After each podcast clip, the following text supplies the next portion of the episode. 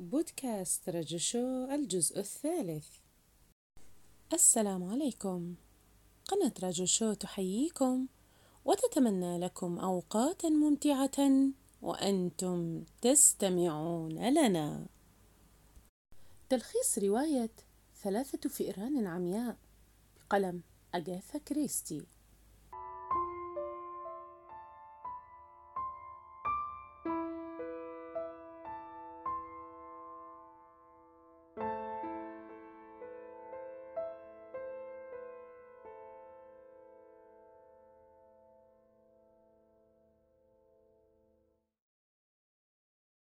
وقد أرادني رقيب هوجين أن أتحقق من أمر كل من في النزل وأعمل تقريرا عن كل من هو موجود هنا وأن آخذ كل الإجراءات التي أراها مناسبة لحماية النزل ومن فيه.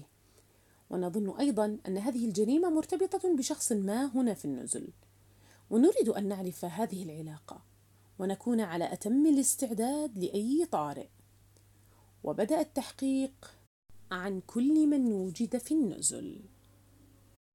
لقد عرف أن السيد جيلز كان ينتمي إلى لينكولنشاير وأنه تزوج بالسيدة مولي على وجه السرعة قبل عام ولم تكن تعلم مولي عن زوجها الكثير ولم يتحدث معها عن طفولته مما تجعلها أنها تظن أن طفولته كانت بائسة ثم بدأ المفتش الحديث مع الأربعة الذين كانوا في غرفة الاستقبال قائلا أريد أن أعرف أمرا واحدا وبسرعة من هو الشخص الذي له علاقة بجريمة أيدنبرغ آنذاك؟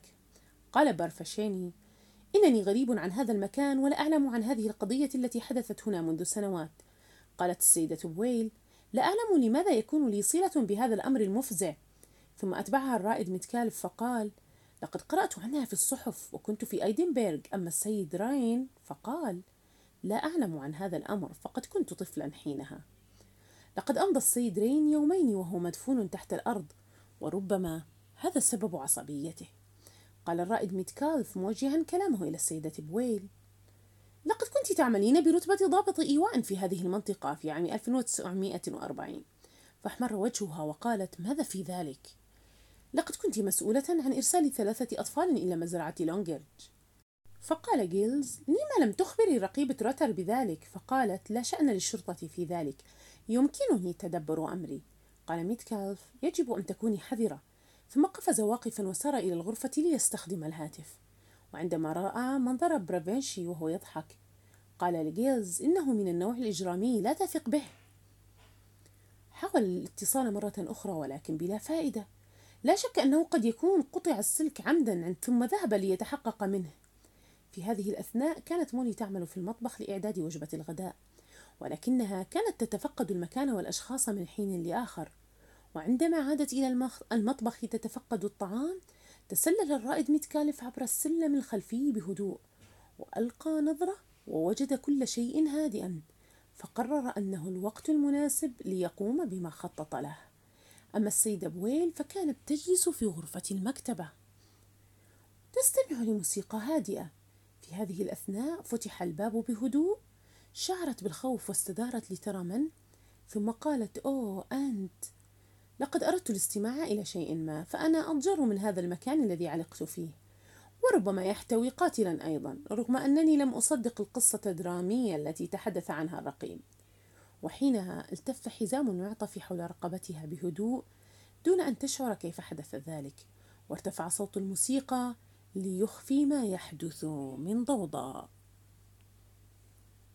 اجتمع الجميع في مكان رقيب تروتر يحاول أن يفهم من السيدة مولي. لقد قتلت قبل برهة من قدومك. ألم تري أو تسمعي شيئا؟ فقالت لم أرى شيئا. وفقط سمعت صوت صفير وإغلاق باب لا أدري أي واحد هو. لحظة دخولي المكتبة. أفاد رين إنه كان في غرفته عندما سمع صراخ مولي عندما اكتشفت الجريمة. السيد جيلز كنت أتفحص خط الهاتف من غرفته. المشبوك بالخط الأصلي. السيد بريفنشي كنت أعزف على البيانو بصوت منخفض. الرائد ميتكالف كنت في القبو. ثم فتح باب الدولاب فأخرج صوت صرير خافت. فقالت مولي إنه يشبه الصوت الذي سمعته. قال الرقيب تروتر إن القاتل سمع صوت خطاك حينما خرجت من المطبخ. فدخل الدولاب وأغلق الباب. محدثا هذا الصرير الخافت وسنجد بصماته عليه. فقال ميتكالف بصماتي عليه أيضا. رد الرقيب لدينا تفسير لوجود بصماتك هنا. بعد برهة تحدثت موني مع الرقيب على انفراد عن أوصاف القاتل وربما يكون الوالد لهؤلاء الأطفال وهو الآن يبلغ منتصف العمر ويبدو لي كذلك أنه الرائد متكالف لأنه أيضا يحمل بعض الغرابة وعنده خلل عقلي كما عند الإبن. فقال أنا آخذ كل شخص بعين الاعتبار لم أستثني أحدا. كوني حذرة ولا تثقي بأي شخص ولو كان أقربهم إليك. سمعت نص... سمعت نصيحته ثم غادرت إلى المطبخ لإتمام الطهي فلحق بها رين إلى المطبخ. ذعرت السيدة موني عندما سمعت الباب يفتح. قال جئت أخبرك أن مزالج الرقيب سرقت لكن هذا الشيء لن يفيد القاتل إذا أراد الرحيل عنا. قالت ابقى معي رجاء أنا خائفة من البقاء وحيدة في المطبخ. جلس رين إلى المائدة مراقبا مولي أثناء طهيها للطعام وبعد برهة سألته السيدة مولي مستفسرة لماذا غيرت اسمك إلى رين؟ وهم في المدرسة كانوا ينادونك كريستوفر روبن ويخلطون بين الاسمين ما هو اسمك الحقيقي؟ هذا ليس من شأنك ولا أريد أن نتطرق إلى هذا الحديث كما أنني لست مهندسا معماريا فأنا هارب من الجيش شعرت حينها مولي بالخطر وفهم ذلك كريستوفر فقال نعم تماما مثل القاتل ألم أخبرك أن جميع الشبهات تدور حولي؟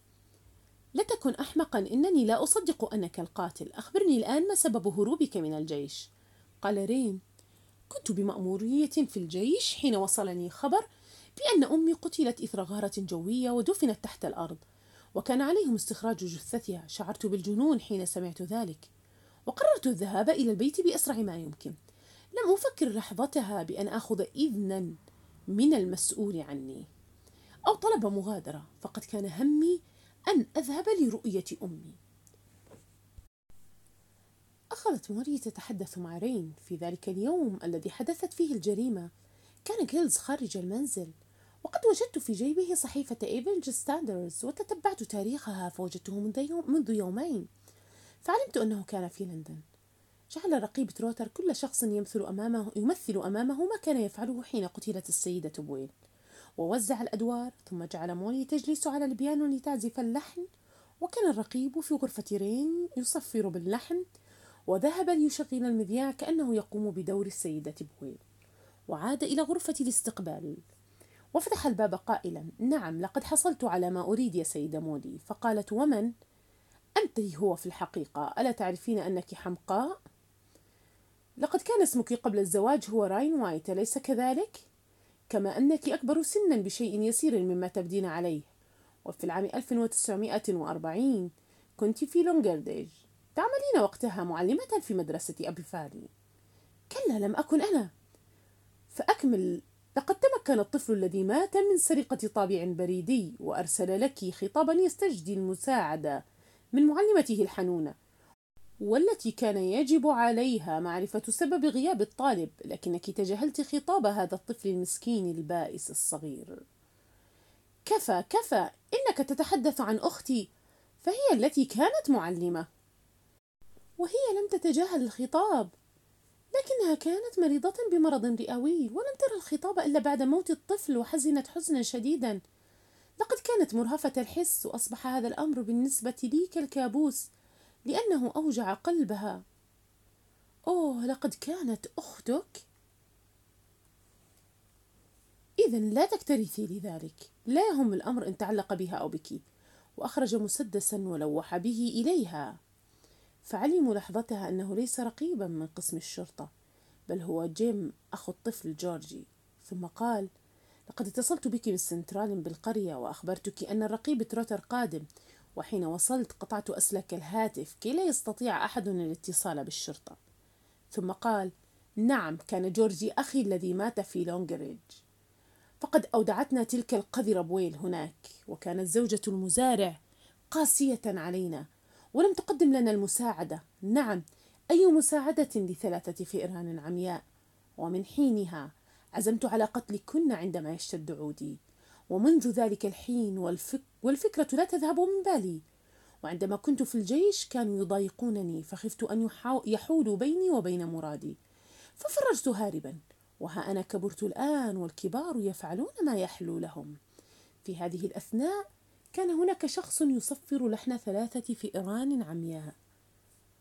أطفى جوا من الرعب فاهتزت روتر والمسدس بيده. ثم سمعت مولي صيحة تقول انبطحي على الأرض يا سيدة مولي!